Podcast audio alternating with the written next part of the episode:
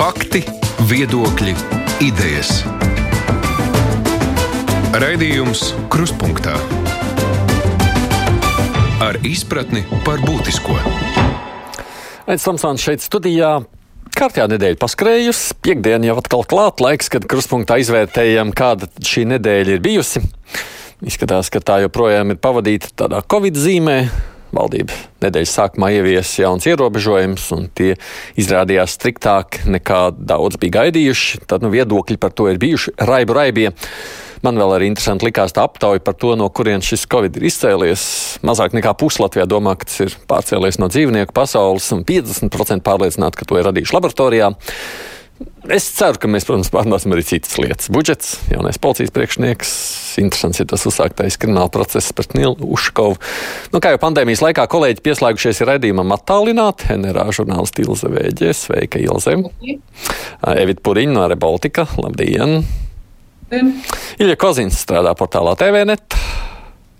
Un Pauls Rauceps žurnālā ir. Labdien! Nu, ko jūs domājat par visiem tiem ierobežojumiem Covid sakarā? Saprātīgi vai arī kaut kas garām? Nu, internetā ir ļoti daudz diskusiju par to. Ilze, ko tu saki? Internetā diskusiju, protams, ir daudz, bet, zin kā, galvenais, kas mani satrauc, ja, ir tā arogances pakāpe, kāda šobrīd valda sabiedrībā. Protams, var diskutēt, var dejot vai nevar dejot, var sportot vai nevar sportot, bet uh, nav jau stāsts par niansēm. Tas ir par to, vai mēs esam gatavi darīt to, ko mums palūdz, iesaka epidemiologa valdība. Un izskatās, ka mēs faktiski neesam gatavi uh, pildīt. Mēs gribam diskutēt. Šito pildīsim, šito nepildīsim. Nu, tā pašā laikā tā jau vienmēr ir bijis. Tad, kad valdība pieņem lēmumus, kāda saka, ir labi, slikti, patīk, nepatīk, nu, gal galā viedokļi izteikt un mēģināt pārliecināt valdību, jau arī sabiedrība var īļa. Ko tu saki? Uh, es, es teikšu, ka ir kaut kādas lietas, kas man nu, tīri cilvēciski nav skaidras. Es nesaprotu, piemēram, uh, kāpēc interešu izglītība uh, notiek attālināti, kur galvenais arguments bija, ka cilvēki atrodas šaurās telpās, kur vīrusam ir vieglāk izplatīties. Tāda bija tā argumentācija. No dažādām vietām, no dažādām skolām vai no, no dažādām, dažādām vietām, klasēm. no dažādām skolām. Tieši tā. Bet kāpēc, piemēram, bāros cilvēki drīkst atrasties? Jā, tur ir tas noteikums, ka pie viena galdiņa ir vairāk kā četri cilvēki, kas nav no vienas mājsaimniecības, bet tik un tā. Turklāt, no bāri parasti mēs zinām, tās vietas arī nu, nav pārāk plašas. Un, nu, jā, tur, turklāt, ja tur ir gaisa kondicionētāji, tad tas viss tikai palīdz par īņķi to vīrusu laist, ja viņš tur ienāk. Tāpēc nu, šādas lietas man tiešām nav skaidrs, kur ir, kur ir tā loģika. Kāpēc vienās vietās pulcēties tomēr drīkst vairāk, bet citās nē. Tad ir, protams, tas nu, laikam prātā ekonomiskais arguments, ka redz, mēs nevaram apturēt uh, visas nozares. Tad, uh, bet kāpēc mēs vienu nozari faktiski apturam uh, un otrai dodam tiesības nu, turpināt savu darbību? Es, es, Es tagad neiestājos ne par kādiem ierobežojumiem vai ierobežojumu labojumiem, bet man vienkārši tīri cilvēcīgi nu, nav skaidrs. Zakot, tev tās diskusijas ir saprotamas. Jā, Evita, ko tu saki? Uh, es nezinu, vai tiešām cilvēki neievēro tas, ka viņi spriež un uh, nu, varbūt tieši tā kā Ilja tikko teica, kaut ko nesaprot, kaut ko tur diskutē un brīnās, kāpēc šis ir ierobežots, tas nav ierobežots. Tas jau ir normāli un tas pat ir labi varbūt. Vai tiešām neievēro?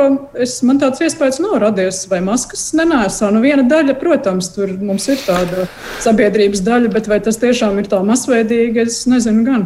Nu, ir jau arī jāatzīst atklāti, tagad nevar neko konkrētāk nosaukt, bet arī par interešu izglītību es esmu vērojis vienu, man ir atsūtīts saraksti, kurā, protams, nu, vecāki sarakstās ar grupu, kādā veidā varēsim mēģināt tā pa klusu apiet un darīt, tāpēc, ka nepieciešams viņiem ir laikam esam mazi bērni vecāki. Man ir tik ļoti daudz piemēru, diemžēl. Ja? Tieši tā kā tu saki, neievēro, un šobrīd jau ir izdomājuši 35 veidus, kā apiet. Ir, ir, jā.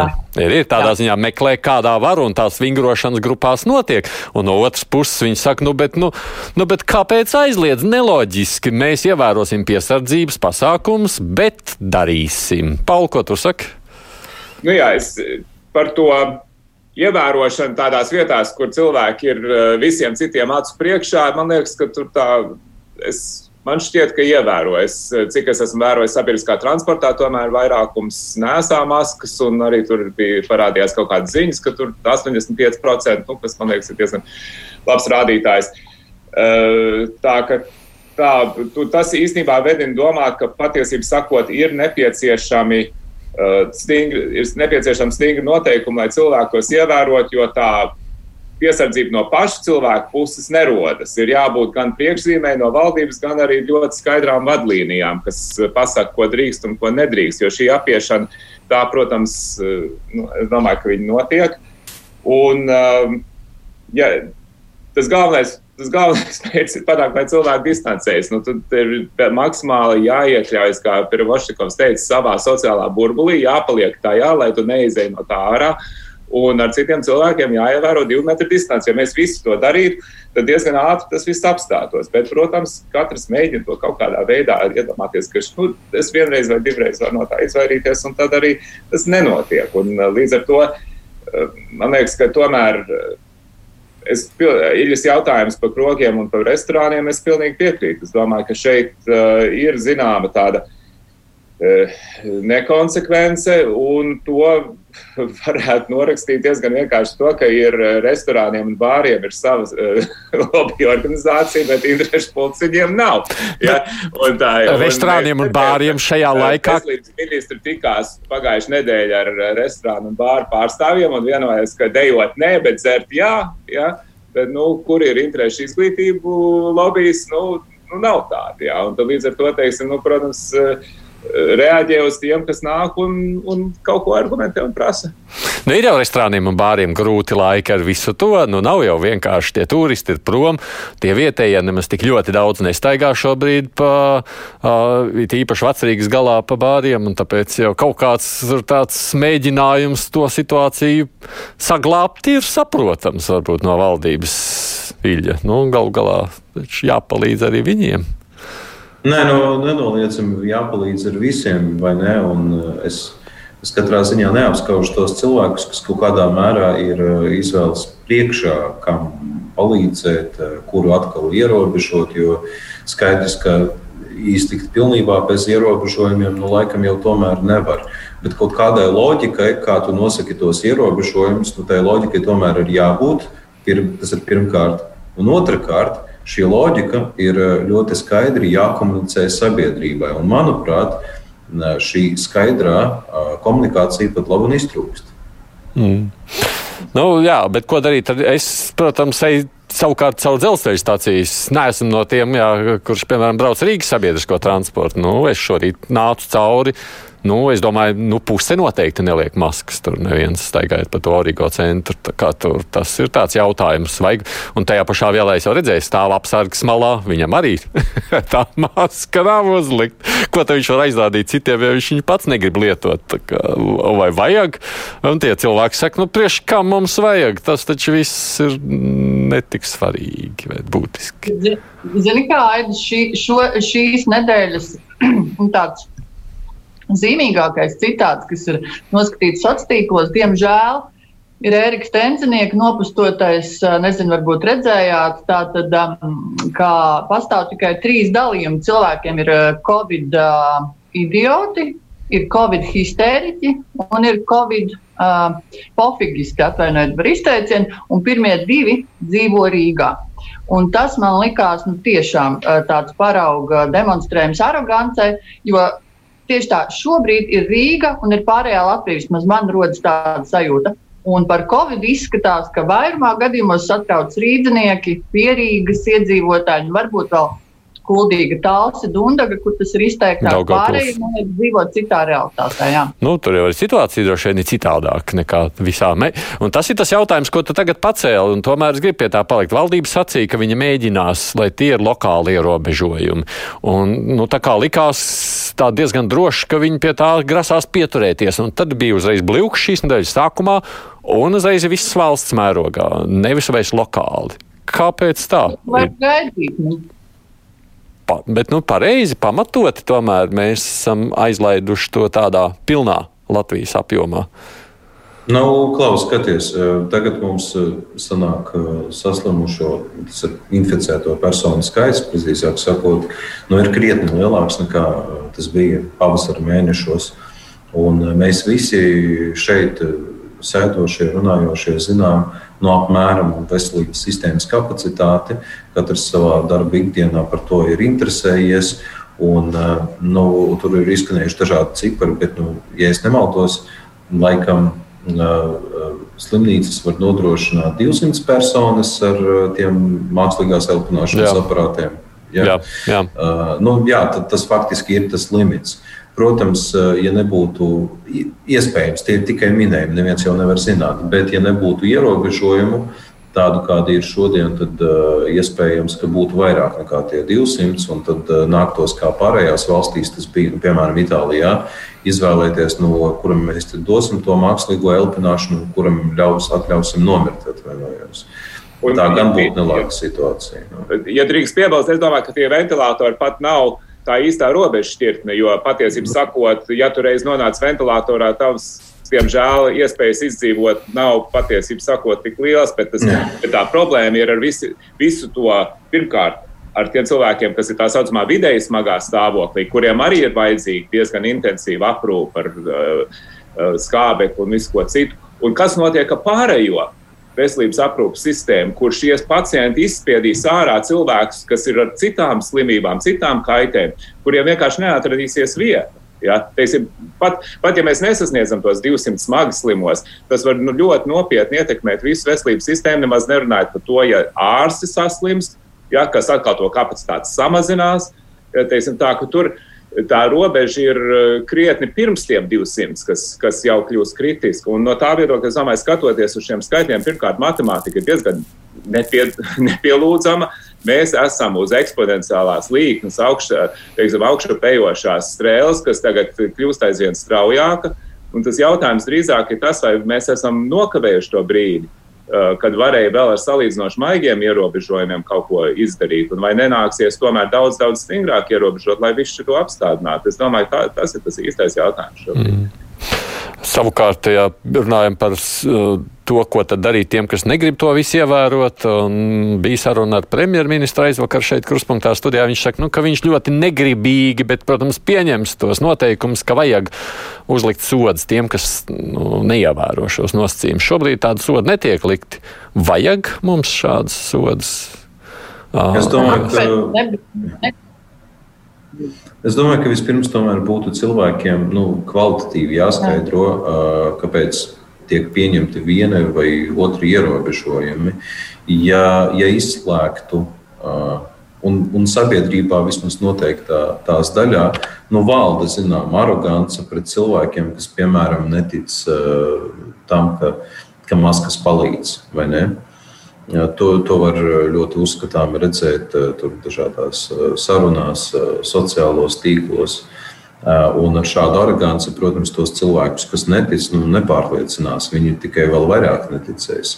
Tāpēc, manuprāt, nu, būtu jābūt kaut kādai mērķtiecīgai, iespējams, pat sociālajai kampaņai, tur plašsaziņas līdzekļos, kur cilvēkiem tiešām nu, tādā ļoti draudzīgā valodā tiktu skaidrots, kāpēc uh, ieviestie ierobežojumi ir nepieciešami. Bet tas strādās tikai tad, ja es atkārtošos, būs uh, arī zināma skaidra loģika ieviešot šos ierobežojumus.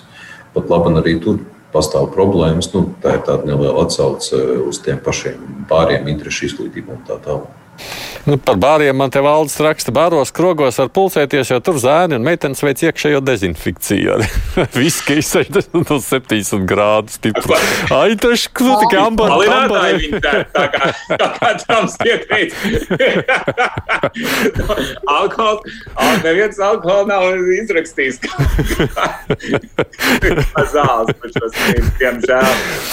Bet par ticību turpinot, man tā aptauja, ko vakar publicēja visi lielie portāli, likās ļoti interesanti. No kurienes Covid cēlies? Un arī tas, protams, ir vēl. Uh, daudz diskutēts iepriekšējos pavasara laikā, un tomēr mēs redzam, 50% saka, ka viņi pārliecināti, ka tas ir mākslīgi sintēzēts un radīts. Un, no, tie daļa, nu, tur ir kaut kā 14, kas apgrūtinās, viņi nevar, nevar paust savu viedokli, viņiem tāds īsti droši nav. Nu, un tā daļa, kas domā, ka tas ir tiešām radies no dzīvnieku valsts, tā kā to lielākoties sacīšu zinātnieki, tur ir mazāk par 40%. Nu, kad trešā daļa tikai mazliet vairāk iedzīvotāji. Jūsuprāt, no šīs aptaujas kaut kādas secinājumus var izdarīt? Evita, saki kaut ko. man, tā, man tie aptaujas rezultāti, protams, apbēdināja. Man tas liekas, nu, tiešām nu, skumji, ka tā, bet es tomēr vēl cerētu, ka, ja 50% nu, tic, ka tas ir kaut kas. Uh, Mākslīgi radīts, tas varbūt nenozīmē, ka viņi, ka tie paši 50% vispār noliedz šo Covid-19 bīstamību vai tam līdzīgi. Jo, nu, nu, tā vīrusu rašanās šāda vai tāda tā ir diezgan sarežģīta lieta. Ķīna ir tālu, ko mēs tur īsti varam zināt. Nu, Nu, es kaut kā mēģinu to skaidrot, kāpēc tā ticība tāda varētu būt, bet es nedomāju, ka šie paši 50% tagad teiks, maskas nevajag, viss, ko mums stāsta valdība, tas viss ir nepareizi, atgādni. Nu, es domāju, ka tik traki nav tomēr. Šo aptauju arī gribētu dzirdēt, Ilzi, ko tu saki par šo. Ilzi man vairs nedzird, viņai ir internets pazudis. Uh, man faktiski uh, ir vienalga. Tu dzirdi, ja? Tagad dzirdi? es sāku, sāku dzirdēt tevi. Tur, tev, ir, tev bija Covid vilnis uznācis virsū, tagad runā. Jā. Jā. Jā. Nē, vilnis tev vienādi sakot, man pašai ir pilnīgi vienalga, ka cilvēki. Hmm. Man, man neizdosies ar Ilzi parunāties. Tev būs jāsameklē labāks kaut kāds veids, kā mēs varam tevi saklausīt. Mēģini trešo reizi. Pārbaudīt, neiet, ja? Nav, nu, ja? iet, tagad iet šobrīd. Labi. Bet, nu... Tā tad man pats. Ah, nu labi. Tā tad man ir vienalga, vai cilvēks tic Tā par vienalga, mēs neteiksim. Ciklonēt pie šo laboratoriju pilnīgi vien. Ne, labi, jūs smejaties, par to mēs varētu un, un veiksmīgi to pārdzīvot. Bet šobrīd man pašai vis, vissvarīgāk ir tas, lai cilvēki vispār kā, nu, uh, pamatos ticētu tam, ka šis vīrus ir, ka viņš attiecas nevis tikai uz veciem slimiem, bet arī uz katru konkrēto personu, uz taviem vecākiem, uz taviem vecākiem, lai cilvēki lietotu maskas, ja vajag izolētos uh, un lai pildītu to programmu minimums, kas šobrīd ir Latvijā. Jo skatoties uz to pašu Vāciju, skatoties uz to pašu Franciju, kas uzsāka diezgan lēzeni un uzskatīja, ka viņiem ar to pietiks, mēs šobrīd redzam, ka viņiem jau ir nepieticis. Un faktiski, diemžēl, es domāju, ka ja mēs uh, staipīsimies uz priekšu, uz atpakaļ, arī mums tuvāko nedēļu laikā var nepietikt ar to, kas ir patreiz. Un tad gan es gribēšu paskatīties uz tiem visiem gudrīšiem, kas šobrīd nevalkā maskas, ko viņi darīs, tad, kad mums ieviesīs, nu, ne, nu, gluži es ceru, ne komendants stundu kā Francijā, bet, nu, kaut kādas drastiskākas uh, normas. Ja. Nu, tas ticības, necības jautājums ir aktuāls, saka Paulijā. Jā, es, ne, es, man tā aptāja drusciņ tā kā mulsināja, jo es piekrītu Ilzai un Evitai, ka man liekas, tas jautājums īstenībā nav tik būtisks. Nu, labi, nu, mākslīgi, nemākslīgi, dzīvnieki un tā tālāk. E, pārsvarā cilvēkiem es domāju, ka tas ir tik abstrakti un e, pēc būtības nenozīmīgi tajā veidā, kā tu reaģē uz vīrusu, ka labāk būtu paprasījuši, vai, nu, es nezinu, vai tu tici, ka ir jānēsā maskas, vai tu tici, ka ir jāievēro šie ierobežojumi. Nu, tas būtu, to būtu daudz liederīgāk uzzināt, jo, nu, tas, tas, tas vīrusu izcelšanās avots, man liekas, šajā brīdī nav tik svarīgs. Es gan saprotu, ka kaut kāds pētījums šajā kontekstā tiek veikts, un laikam jau mēs ceru, tuvākajā laikā arī uzzināsim to ļaužu attieksmi. Jo tās ticības vai neticības jautājums ir diezgan pamanāms. Nu, tad tiek pieminēts, protams, arī mums kādi saimnes deputāti. Pieņemsim, nu, visvairāk jau laikam droši vien tas ir Gobzems, kurš ir pamanāms ar šo savu tādu aktīvo cīņu pret maskām. Iļa, ko tu domā savukārt par šo? Nu, labi, es, es gribētu laikam distancēties no konkrētās personālijas komentēšanas, bet uh, tikai tajā aspektā par maskām runājot, eh, es, es atceros, uh, es nesen kaut kur redzēju salīdzinājumu starp to, ko konkrētais cilvēks ir rakstījis pandēmijas sākumā par maskām un raksta šobrīd. Un, uh, Sākumā ir aicinājis ievērot visu, ko iesaka epidemiologi, tostarp maskas ka, ka to valkāšana palīdz. Un tad tagad aktīvi iestājas pret maskām, salīdzina tos ar uzpurņiem un vēl visādām blēņām. Nu, manuprāt, šāda pretruna jau kaut ko parāda. Protams, var man oponēt, ka laika gaitā cilvēkam var mainīties domas un tādā garā, bet uh, nu, es nezinu, kaut kā saimnes deputātam tomēr būtu, manuprāt, jāievēro zināma konsekvence. Un, nu, cik man ir zināms, Aldis Gobsams, viņš nav pēc izglītības mediķis, epidemiologs. Ja es maldos, tad lūdzu labojiet mani un nedod Dievs, negribu es šeit melot vai ne. Bet cik man ir zināms, epidemiologs viņš nav. Un, manuprāt, tā labā prakse tautas kalpiem ir, ka, ja viņi spriež par jautājumiem, kas nav viņu kompetencē, tad tomēr paļauties uz ekspertu atzinumiem. Un ekspertu atzinumi šobrīd ir tādi, ka pie noteiktas infekcijas izplatības, kad šī izplatība kļūst straujāka, palielinās, tad maskas tomēr ir efektīvas. Protams, nevienas pašas, bet kopsakarā ar citiem ierobežojumiem. Un es gribu šeit atzīmēt uzreiz, ievērojiet, ka maskas pašas par sevi viņas nav tas nu, risinājums vai panacēja, tikai maskas kopā ar pārējiem ierobežojošiem pasākumiem. Un tas ir tas, ko šobrīd arī saka epidemiologi, bet kas visā šajā covid histērijā bieži vien pazūd, jo uzmanību cenšas nu, koncentrēt uz kaut ko vienu, lai gan īstenībā tas, kas dod efektu, ir šis uh, ierobežojuma kopums. Mm. Mums vispār šī tā sabiedrības brīdis, kad mēs katrs sakām, ka mēs zinām labāk, kā ir pareizi žurnālistika, kā pareizi vajag ārstēt uh, covid un beig beigās, kā vajadzētu droši vien sašūt kādu mm, ķirurģisku vainu. Evita. Gribēju teikt. Es gribēju piebilst, ka nav pat saturiski būtiski, ko šobrīd Gobzems saka par maskām vai uh, citām tēmām, tāpēc, ka viņš ir nostājies tik izteiktā opozīcijā valdībai, Pavasarī viņš rakstīja, ka visiem obligāti jāliek valkāt maskas, ejot uz ielas visur bez izņēmuma. Viņš to rakstīja tāpēc, ka šādas normas nebija spēkā to brīdi vēl. Nu, valdība to nebija pateikusi, un tā bija tāda opozīcija. Jūs sakat vienu, es teikšu pilnīgi pretēji, jo tagad mēs redzam to pašu. Jūs sakat to, es atkal saku pilnīgi pretēji, un tas ir arī pārējos jautājumos. Es domāju, tur rūpīgi analizēt, kurš politiķis nu, saka, tam nav. Galvenais, galvenais nepiekrist. Tieši tā.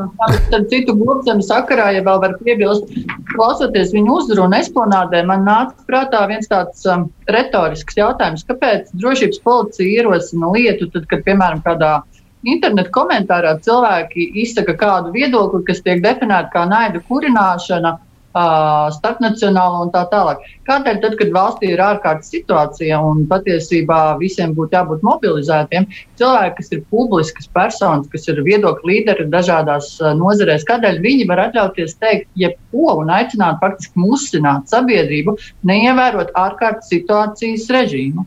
Nu tā, pirmkārt, mums šobrīd nav ārkārtējā situācija. Otrakārt, pulcēšanās nu, brīvība ir fundamentāla demokrātijas vērtība. Un es esmu pārliecināts, ka atbildīgie dienesti nu, nemitīgi seko tam, kas notiek valsts iekšienē. Pagaidām, cik vismaz man ir zināms, no, nebija arī internetā. Es pēc uh, konkrētās sapulces neredzēju nekur uh, kaut kādus uh, sašutumu pilnus ierakstus, ka tur tika pateikts saziņa, kas vai tauta tika musināta uz nekārtībām.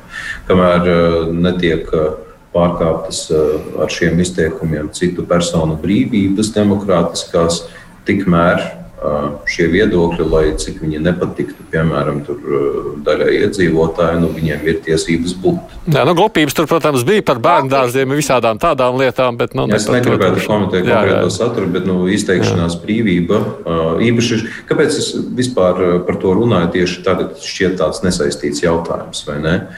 Jo pandēmijas apstākļos, un par to jau ir rakstījuši plašsaziņas līdzekļi, nu, pasaules plašsaziņas līdzekļi, ka šis ir tāds ļoti bīstams laiks demokrātijai. Jo e, Covid laikā ieviešamie ierobežojumi, e, ka dažas valstis to var izmantot, lai teiksim, tā, ierobežot vai sašaurināt šīs demokrātiskās brīvības. To es uzskatu par nopietnu draudu, un tāpēc, manuprāt, īpaši šajā laikā mums, kā žurnālistiem, tomēr ir vēl jau vairāk jāaizsargā, jāaizsargā personu brīvību izteikties, ievērojot visas epidemioloģiskās drošības prasības, arī zināmā mērā pulcēties. Un, Protams, paturot šo kritisko uztveri. Mm nu, mēs redzam, jā, jā. Noniecināt kādu, nu, es, es nedomāju, ka tas ir. Mēs redzam, cik šī problēma ir aktuāla šobrīd Izrēlā, kur uh, valdība kā, ierobežo šo brīvību, un tad cilvēki cīnās savukārt tie, kas uzskata, ka premjerministrs, kurš tiek vainots korupcijā, to izmanto šobrīd ļaunprātīgi, un ļaudz iet ielās par šo. Tā kā, tur tāda cīņa arī šajā kontekstā tieši notiek. Nu, labi, Ilzi, bet es sapratu tavu viedokli, un es sapratu Tīļas viedokli. Nu, ir tāpēc svarīgi, ka jūs arī katrs varat to. Kā sabiedrībā, jo es tieši gribēju teikt, ka es esmu diametrāli tajā otrajā pusē, jo es uzskatu, ja valdība ir pateikusi, ir jānēsā, tu vari diskutēt labi vai slikti, bet tu nevari no tribīnas aicināt nenēsāt. Mm. Bet uh, es, es drīkstu aidīt, ja mēs par šo dezinformāciju un par tādu runājam, Tas ir tas, ar ko es ikdienā nodarbojos. Un šobrīd, nu, vismaz Facebookā, un Facebookā uzturs liela daļa Latvijas iedzīvotāju, un informāciju tur gūst un dalās. Uh, nu, tur pilnībā ir redzams šobrīd tāds otrais vilnis dezinformācijas. Ne, nav tik izteikts, kā tas bija pavasarī. Ir sajūta, ka vairāk cilvēku dalās ar tādiem visādiem apšaubāmiem ierakstiem. Ir sajūta, ka tādi nu, ka cilvēki arī Nu, tie ir pavisam citi cilvēki. Tie nav vairs tie, kas to darīja tikai pavasarī. Šī dezinformācija ir kļuvusi tāda profesionālāka, bet otra lieta, ko, manuprāt, runājot arī par šīm valdības pieņemtajām normām, ir jāņem vērā, ka nu, kaut kāda disonance tomēr veidojas. Ja, Kā, nu, kāpēc, kāpēc tā dezinformācijas pieprasījums pēc tās dezinformācijas aug? Ja, Ja, ja, piemēram, mēs caur mēdījiem dzirdam no valdības, ka mums ir tik daudz naudas kā nekad, ja, ja uh, miljards izdalīts pabalstos, uh, ja mēs, es atvainojos, dzirdam, ka pie Gobzema uz mītiņu aizgāja 200 cilvēki, bet īstenībā aizgāja tūkstotis. Un tad ir otrā pusē tie cilvēki, viņi redz, kāda ir tā viņa ikdiena. Uh, ar turismu viņiem tur neļauj nodarboties, māksliniekiem tagad liks nodokli atkal virsū. Var arī redzēt, kas ir tie cilvēki, kas ir pieslēgušies. Tie ir piemēram vairāki tādi pazīstami mūziķi, kuriem ir diezgan daudz sekotāju. Mēs varam izvirzīt kaut kādas hipotēzes, kāpēc viņi atbalsta šos, šo covid briesmu apšaubīšanu. Nu, nu, tur ir arī, nevaram mēs pateikt, tie neko nesaprot, gobzems tikai vainīgs. Nu, nu, ir kaut kāda arī mūsu kopējā, es domāju, arī mēdīju atbildība skaidrot tās lietas, apšaubīt. Jā, es saprotu, veidos un, un tam līdzīgi. Mēs nevaram tā, nu, tā polarizācija notiek ar vien vairāk. Jautājums, kāpēc tas ir? Tur, tur nav melns un balts tikai. Ļoti pareizi. Es pilnīgi piekrītu Evitai. Šis nu, gan nav laiks tādai elitiskai attieksmei. Šis ir laiks, kad uh, gan plašsaziņas līdzekļi, gan teiksim, tā, uh, varas pārstāvi vairāk ieklausās sabiedrībā. Un, uh, jā, tas, tas, tas nu gan nav laiks, kad uh, jāiedod kaut kāda elitāra attieksme. Nav labi.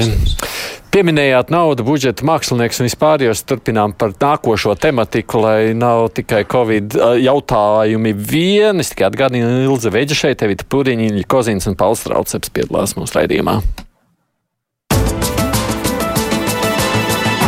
Raidījums Krustpunktā. Mēs redzējām šonadēļ, bija tā mākslinieka akcija ķieģeļu sienas būvēšana Doma laukumā. Ko jūs domājat par šo visu? Mums bija vakar arī kruspunktā šeit diskusija par autoru atlīdzībām. Paulis, sākšu ar tevi. Jā, nu, man liekas, ka ir diezgan īpatnēji, ka valdība šajā brīdī, kad faktiski mēs redzam ekonomiku buksē, tieši cilvēki, kuri ir ar šādiem nu, neregulāriem vai uh, ieņēmumiem, kuri saistīti ar dažādiem alternatīviem uh, nodokļu šie, tie, tiem risinājumiem, kad iespējams, ka viņi ir visvairāk apdraudēti, ka pēc būtības, kas notiek, ir, ka valdība tagad uzliks vēl papildu diezgan nopietnu nodokļu slogu daudziem cilvēkiem. Es, eh, viens mākslinieks, ko es pazīstu, bija aprēķinājis, ka, ja stāsies spēkā šis autoru atlīdzību tas likums viņām nodokļi pieaugs trīs reizes. Trīs reizes. Pagaidiet, vai te ir runa par šo jauno pēdējo lēmumu? Jā.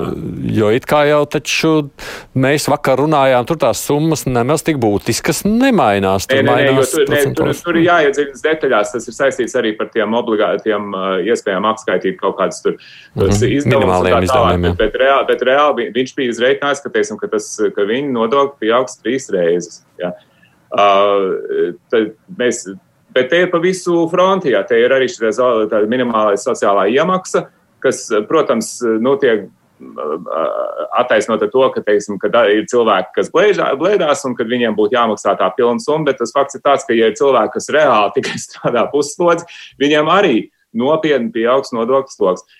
Un tas jautājums ir, vai pirmkārt, vai šis ir īstais brīdis un vai šis ir pareizais mehānisms, jo, jo mēs teiksim tā, tas, kas ir noticis ar daudziem šiem uh, alternatīviem, tā saucējumiem ienākumu nodokļu tām, tām formām, ir, ka cilvēki maksā ienākumu nodokli, bet nemaksā sociālo iemaksu. Ja? Kas, protams, ir slikti, jo tas cilvēks pēc būtības viņš ietaupot pats uz savu rēķinu. Bet, ja mēs skatāmies, kā to dara citās valstīs, vai nu, piemēram, ja runājam tieši par māksliniekiem, uh, Uh, īrijā, piemēram, mākslinieki vispār neko nemaksā, jo valsts uzskata, ka tā ir daļa no kultūras identitātes, no tā, kas vispār veido īriju kā īriju, un viņi līdz 40 vai 50 tūkstošiem vispār viņiem ir ļoti minimāls nodokļu maksas. Bet tas otrs ir, ka cilvēkiem ar maziem ienākumiem, kaut vai tai pašā Amerikā, puse no amerikāņiem nemaksā iedzīvotāju ienākumu nodokli. Viņi maksā tikai sociālās iemaksas. Tikai sociālās iemaksas. Mums ir otrādi. Cilvēks maksā tā, to iedzīvotāju nodokli, bet viņš nemaksā pats par sevi. Bet šī tā jaunā un, kārtība un, un, tagad ļauj man tā. Tā vietā, lai meklētu risinājumu, kas reāli ir, teiksim, tā, tā problēma, kas ir izvirzīta, ir, ka cilvēkiem nav sociālo iemaksu. Labi, nodrošināsim, lai sociā, cilvēkiem ir sociālās iemaksas. Ja cilvēks vispār ļoti maz maksā, varbūt sabiedrībai jāpiemet klāt. Ir. Bet nevis izdarām tā, ka teiksim, tā, tās iemaksas, tās iedzīvotāja ienākuma nodoklis, kas aiziet kopējā katlā, un tad vēl pa virsmu tās sociālās iemaksas.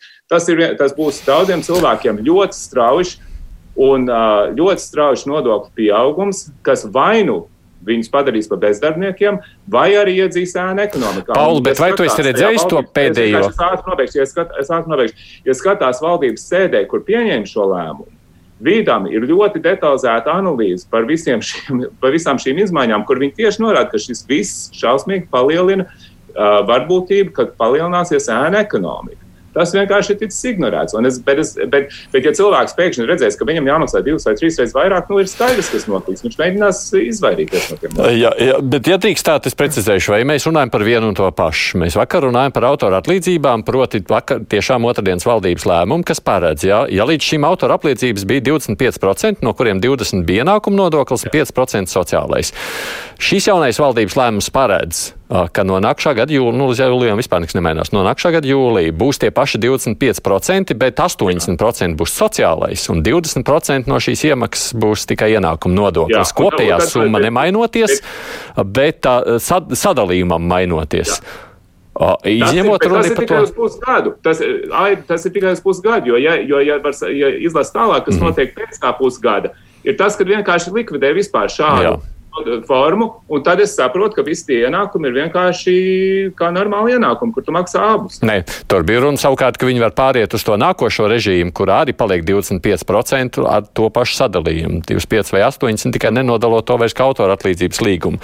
Bet var jau būt, ka es neesmu pareizi līdz galam vakar visu sapratis. Runa varētu būt par to, protams, to saucamo minimālo sadaļu, to saucamo neapliekamo daļu, kas parādās. Bet, Zi- uh, zi- no, Ziniet, es, Ilja? es, es laikam mazliet iejaukšos jūsu diskusijā, jo ta, tās pēdējās divas minūtes, ka, ka jūs to Aidi ar, ar Paulu mazliet esat pretrunā, tas jau ilustrē vienu ļoti izteiktu problēmu, kas turklāt ir raksturīga Latvijas nodokļu sistēmai jau daudzus gadus, proti viņa Mēs, mēs, mēs visu laiku runājam, ka mums vajadzīga vienkārša, saprotama, skaidra nodokļu sistēma, bet mēs vēl aizvien neesam sasnieguši šo mērķi. Un, uh, nu, tas ir tas, pie kā uz ko būtu jātiecas. Uh, Un uh, šis laiks, no vienas puses, tas tiešām, es, es šeit piekritīšu Paulam, ka tas nebija īstais laiks, lai kaut ko mainītu. Uh, Turklāt, ja bija skaidrs, ka tā īstā nodokļu reforma, kas tika ar tādu vērienu paziņota pirms Covid, iecerēts to īstenot, nu, jau bija skaidrs, ka to īstenot pilnā apmērā nevarēs. Un tad, manuprāt, bija jāpasaka skaļi un drosmīgi, ka nu, nē, šobrīd situācija ir ārkārtēja un mēs pagaidām to atliekam, nevis virsīt tur kaut kādus surrogātus. Vienlaikus Es arī saprotu, ka nu, gluži tā ignorēt šos jautājumus arī nedrīkst. Un no šī viedokļa pandēmijas laiks bija tieši otrādi tāda ļoti laba iespēja, lai beidzot ieviestu kādus vienkāršus risinājumus. Nu, vai nu tur kaut ko. Teiksim, tā idejas, iedvesmojoties no tās pašas Igaunijas ar saimnieciskās darbības kontu, ko, ja es nemaldos, tas, tas tiks ietverts. Uh, bet, nu, tik un tā ar sarežģījumiem. Šeit tiešām bija jādomā vairāk par kaut kādiem vienkāršiem, skaidriem risinājumiem, lai tos arī viegli būtu iespējams komunicēt. Nevis tā, ka mēs šobrīd nespējam tikt galā, jo nu, vienkārši tie skaidri jauc prātu. Nu, tā tas ir. No, labi, meitenes, dāmas, kundzes. Es piekrītu, jo es vakar, nu, gatavoties arī šim raidījumam, daļai es noklausījos tavu raidījumu, kur kur arī man tā ir tieši tāpat kā tev šķita, ka tas nav tik traki. Es tajā pašā laikā esmu lasījis tajā pašā Facebook zināmu, pazīstamu mākslinieku, tēlnieku, rakstnieku secinājumus, un tie nesaskan ar to, ko es dzirdēju vakar. Uh, nu, tur patiešām ir runa par to, ka viņiem, viņi vismaz saka, ka viņiem pieaugs vairākas reizes. Un, Un, un līdz ar to nu, es arī nevaru izskaidrot, piemēram, kāda ir tā komunikācija, ko mums Finanšu ministrija, Kultūras ministrija pasniedz un kā to saprast. Un es nedomāju, ka tāds ierindas cilvēks arī to var saprast. Tur ir kaut kāda problēma. Problēma. Nē, bet tā problēma varbūt tajā komunikācijā bija tāda, ka līdz otrdienai jau bija īstenībā paredzēts krietni striktāks tas lēmums no valdības. Tur bija paredzēts obligātās minimālās Obligātās. sociālās iemaksas visiem, vai ne? Neatkarīgi no ienākumiem, no kā valdība atkāpās.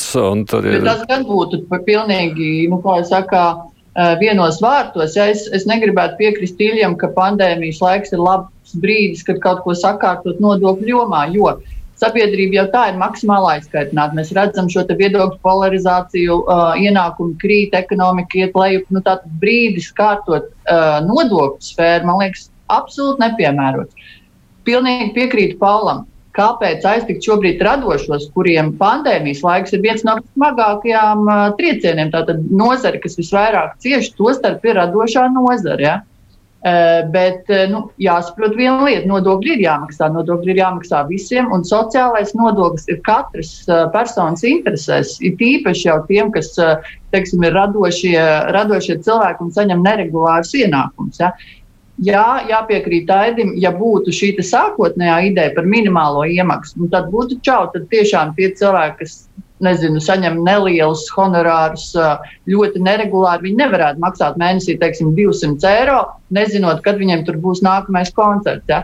Bet patreizējais, tas, ko mēs šobrīd redzam, jā, tas tā varētu būt tikai ne šī brīdī. Tā mums arī vakar tajā diskusijā gāja vaļā, ka varbūt tas laiks nav īstais. Nu, vienīgā tā mana piebilde, es arī savu viedokli šobrīd izsaku. No otras puses, nu, kad jau vēl citreiz raizēties par to, vai tev vispār sociālais nodrošinājums ir, ja ne tad, ja tu tā var saslimt ar covid, nu labi, tas ir tu, tu, tu, kā saka, vai ne? Tikko deva bez, eh, šo te dīkstāvis pabalstu, tikko viņiem atcēlās visi mm. koncerti kādi, kādi glāzi izstādes, kādu koncertu, un pēkšņi viņiem pasaka, un tagad jūs mīlīši maksāsiet, bet kāpēc tagad? Nu, tad nu, jā, pagaidiet, jā, jā, jā, jā, Paul. Ja, ja, ja es drīkstētu piebilst, es, es domāju, ka, teiksim, tas, uh, tas, ko Evita teica par to, ka tie, teiksim, tā, tā, starp tiem cilvēkiem, kas visaktīvāk izplata šīs eh, nu, sazvērestības teorijas un šau, apšauba vispār to covid esamību un tā tālāk, bieži vien ir redzami mākslinieki. Ir skaidrs, teiksim, eh, sazvērestības teorijas ir pievilcīgas uh, cilvēkiem, kuri jūtas nedroši. Mākslinieks darbs pēc būtības ir ļoti nedrošs, un tad vēl nāk šis klāt. Un tagad vēl te pateiks, ka mēs jums vēl uzliksim papildus nodokļus jūsu pašu labā. Ja? Nu, Tas ir veids, kā nepārprotami uzkurināt cilvēkus, kuri pēc dabas, saprotu, mākslinieki ir emocionāli, ja? viņi ir arī redzami, viņi ir ietekmīgi. Es, man liekas, ka tas nav pareizi. Nemaz nerunājot arī par to, ja mēs tiešām, nu, tagad valsts prezidents un pārējie runā par to, cik svarīgi ir stiprināt nacionālo valsti. Ja? Kas to dara, ja ne kultūras cilvēki, ja ne žurnālisti, ja ne šie citi cilvēki, kas tieši saņem šīs autora atlīdzības? Un, ja uh, tagad tiek izdomāts risinājums, kas viņu dzīvi nozīmīgi pasliktina, Nav jau tur nozīmīgi. Tur, man, manuprāt, būtiskākais šobrīd būtu pateikt, ka jā, sākotnējais variants bija diezgan drastisks, bet patreiz, ja es pareizi saprotu, nekas būtiski viņiem dzīvē pagaidām nemainīs. No, nu, es, nu, es skatu, bet, bet, jā, bet nu, labi, nu, runāsim par komunikāciju, jo, diemžēl, es vakardienas raidījumu nenoklausījos, bet es skatos Finanšu ministrijas mājaslapā, kur tiek teikts, ka no 2022. gada IIN piemēro vispārējā kārtībā. Kā to var saprast? Jā. Es saprotu vienkārši, ka, teiksim, ka maksās nu, par tiem ienākumiem. Vakar par to bija raidījums, un, diemžēl, jā, tur būs te jānoklausās Paula Sakevita. Es gribēju pateikt, ka nu, pat ja tagad, un es saprotu, ka tas tā ir, ka tas piedāvājums ir mīkstināts un padarīts, padarīts tāds vieglāks, tad tomēr tas lielais jautājums ir, nu, kāpēc tā finanšu ministrija, kur finanšu ministrs arī ir valdības loceklis un apzinās šo visu situāciju, nu, kāpēc tad nāca ar to pirmo ļoti drastisko piedāvājumu, kas, nu, kas pilnīgi satrauca, kas pilnīgi satrauca šo nu, kultūras cilvēku vidi. Nu, kāpēc tas bija tieši šajā brīdī vajadzīgs? Un, Un, un ko mēs par to komunikāciju varam spriest? Kāpēc, nu, kāpēc lai mēs ticētu tam, ko saka teiksim, Fariņš? Ja no otras puses mēs redzam kaut ko šādu, nu, tur ir jādomā divi, trīs soļus priekš. Tas pats pagājušajā nedēļā bija ar šo auto reģistrācijas nodokli, kur pilnīgi nesagatavot kaut kādā mistiskā veidā kaut ko grūda cauri. Teica, tā kā Lietuvā, Igaunijā. Nē, izrādās, Igaunijā tāda nodokļa nav. Lietuvā divreiz mazāks, plus tev dod kaut kādas subsīdijas cita transporta, tev draudzīgāk iegādēji. Šeit mums babāts, tūlīt būs viss milzīgs nodoklis, kas trāpīs tiem masturīgākajiem. Nu, mm, jā. kāpēc par to netiek domāts? Vēl dažs pāris temats gribēju pārnāt, par ko labāk sākam. Es nezinu, vai man otram pietiks laiks. Ušakovs vai krimināla policijas priekšnieka izvēle. Kas jums šķiet svarīgāk pieminēt, ja interesantāk? Vai? Droši vien krimināla policijas interesantāk Ušakovs. nu, tad es, nu, palīdziet man izvēlēties interesantāko no svarīgākā. Svarīgāko tomēr. Nu, man krimināla policijas priekšnieks būs šeit studijā pirmdien, tā kā es viņu izvaicāšu. Man būs iespēja mazliet ar viņu pašu aprunāties, ko te jūs sakāt. Es viņam, protams, prasīšu, ko viņš domā par viņu izraudzīšanu, bet uh, ko jūs sakāt to procesu? Pēc formas vai pēc būtības? Tāds ir jautājums. No. Izraudzīšanas veids pēc formas vai pēc būtības, jo tas nu, šī gadījumā ir atšķirīgi. Ja? Pēc formas, jā, iespējams, tas, ka pirmais konkurss noslēdzās ne ar ko, un tad uh, no, no, no atvilknes, no piedurknes tiek izvilkts šis īstais pareizais, nu, tas ir tā triki. Bet no otras puses, ja ministrs ir atradzis kādu cimds ar roku, ja paskatās uz viņu pēdējā laika izteiksmi. Tā, tu, man liekas. Tu man nekal pazudi, tev ir vilnis uznāca virsū, bet es tavu domu sapratu. Sakiet nākošie tāt. Tu vari nemēģināt. Paula. Jā, ja es drīkst piebilst, man, man, kas mani zināmā mērā pārsteidza, bija tas, bija valdības lielā vienprātība šajā jautājumā, jo mēs esam jau redzējuši, ka jaunā konservatīvā partija gandrīz jebko, ko ģirģins liek priekšā, viņiem liekas pilnīgi nepieņemam. Mēs tā piedzīvojam jau ar uh, mežvietu sakrā drošības policiju. Nu, ja pat JKP uzskata, ka šī ir laba izvēle, tad, nu, es domāju, ka mēs varam droši vien domāt, tas varbūt tā arī varētu būt. Ja, teiksim, ja viņi neredz iemeslu. Jā, jā. Bord, tikai... Bordāns uzslavējis ir jā, šo jā, izvēli. Jā, jā, tā, tas, tas man likās tāds, nu, vērā ņemams, tād vērā ņemam nians. Un, un vispār, man teiksim, es, es domāju, ar tiem konkursiem, es, protams, domāju, ka konkursi ir ļoti svarīgi, ja, teiksim, pareizos, uz pareiziem amatiem. Uh, Bet uh, ir arī skaidrs, ka ir daži amati, uz kuriem, mēs esam redzējuši arī, ka ir konkursi, kuri noved pie ļoti slikta rezultāta. Jā, jā. jā. Uh, bija slaven, bēdīgi slavenais konkurss uz kravu vadītāju, kurš Strelčēnoks tika izvēlēts, kur visi teica, jā, viss ir kārtībā, un šis ir cilvēks, kurš to iestādi gandrīz iznīcināja. Mm -hmm. uh, tā ka tur tas. Es, tur, uh, tas Jo ja tā problēma ar konkursiem ir tāda, ka, ja, lai cilvēks pieteiktos uz konkursu, viņam ir jābūt diezgan. Nu, diezgan specifiskā situācijā. Cilvēks, kuram jau ir diezgan labs amats, vai kurš nav pilnīgi pārliecināts, ka viņš tiks uh, nominēts, varētu būt labākais kandidāts, bet varētu arī nepieteikties uz konkursu, jo neizbēgami viņa vārds kaut, kā, kaut kur taps zināms, un tas var viņam traucēt tajā esošā amatā, ja viņš netiek izvēlēts. Tā ka tur nu, konkurss nav panacēja. Mēs, mēs arī to Bet, es domāju, ka tas svarīgi ir tas, kāda tā komunikācija bija un, un, tad, un, un, un kāpēc tika akceptēts tas, ka, nu, ja reiz mēs šo konkursu rīkojam, uh, institūcijas no amata atkāpās janvārī. Šobrīd mēs esam oktobra vidū, beidzot tikuši pie šī policijas priekšnieka. Uh, Tas, tas tika pasniegts kā tāds, nu, tiešām būs konkurss, būs pamatīga atlase, būs melu detektors, eh, kas, nu, kas arī tika norīts valdībā, lai gan tā nav nekāda zinātniskā metode un tam līdzīgi. Un beigās tiešām, kā Ilis teica, mēs izvelkam no kabatas, jo, redziet, Grišinam bija veselības problēmas. Viņš pats neapstiprina to, viņš arī nesaka, ka viņš ir atteicies. Eh, un tad man liekas, jautājums, nu, kāpēc, eh, kāpēc tas tika tā, tā vienkārši pieņemts? Un, un, un, no, cīm, es jau es saprotu, piecas partijas koalīcijā tur kaut kādu mieru vajag, troksni nevajag celt, eh, būs pašiem grūtāk ar to tikt galā. Bet, uh, Bet nu, tad eh, tiekam skaidrībā, nu, ir tie konkursi vajadzīgi, uz kuriem amatiem ir, uz kuriem nav un kā to procesu virzīt. Nevis tērējam resursus, tie arī ir valsts pārvaldes resursi, tas ir laiks, ko šī policija ir pavadījusi bez priekšnieka. Tie ir citi iesaistīti cilvēki, tas pats Grišins, kuram tad, nu, tas viss bija jāsagramo un jāizdzīvo. Un, un beigās te ir no kabatas izvilkts kandidāts. Iespējams, viņš ir ļoti labs un par to nu, šobrīd nevar spriest, bet tas process nu, ir ļoti neglīts. Un, un mēs atceramies, ka pirms mēneša vai pāris mēnešiem kaut kas līdzīgs notika kultūras ministrijā ar šo brīvdabas muzeja eh, direktoras meklēšanu, kur arī bija konkurss, kur uzvarēja, kur viss, un tad ministrs parunāja, un tomēr, redziet, pēc mēneša izdomāja, ka citi kandidāti ir labāki, nevis tā, kas uzvarēja konkursu. Un tas nonivelē šo konkursu ideju un Jā. veidu vispār, kā amatpersonas tiek izraudzītas. Mm -hmm. Bet jā, viņa sakarā arī vēl viena papilda, ka ir jāņem vērā arī tas, kā tiek pasniegta viņa tā pieredze, 20 cik tur tie gadi struktūrā un slepenā dienestā. Es pat īsti nesapratu, ko tad viņš ir darījis pirms, uh, pirms uh, nominēšanas. Ja? Neviens tā precīzi arī nepasaka. Ministrs tikai tā aizplīvorot saka, ka viņš ir vadījis kaut kādu slepenu tur kaut ko. Ja?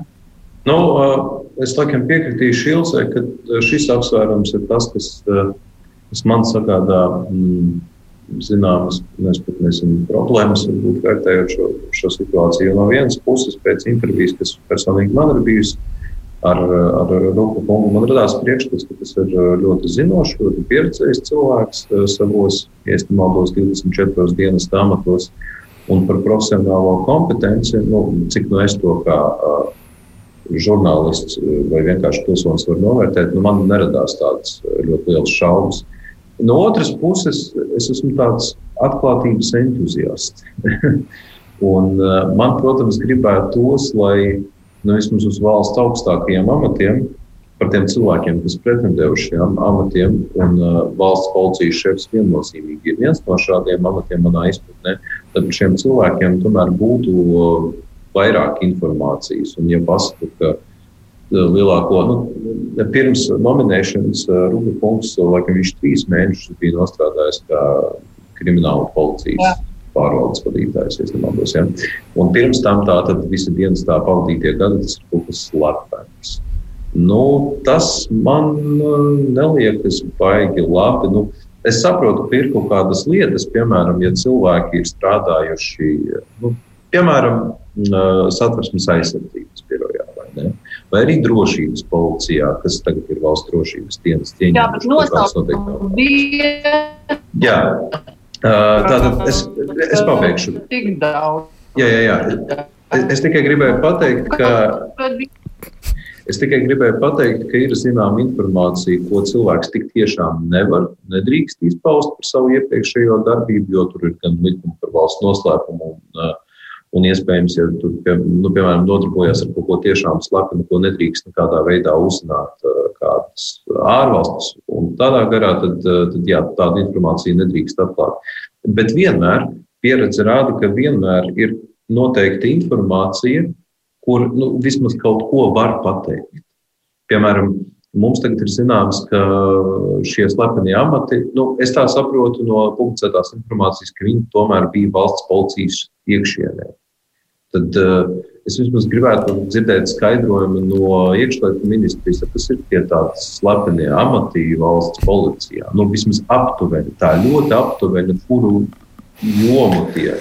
Nu, valsts tajā koledžā, kurā, policijas koledžā, kurā viņš mācīja operatīvo izsekošanu un tādas lietas, nu, var apmēram nojaust, kurā virzienā tas ir bijis. Bet, nu, es. Bet mums ir par to jāzīmē. Nu, es nešaubos, ka viņš ir bijis vietējais štīrlīgs. Nu, pieņemsim, ka viņš ir iekšējā drošības dienestā. Nu, pieņemsim.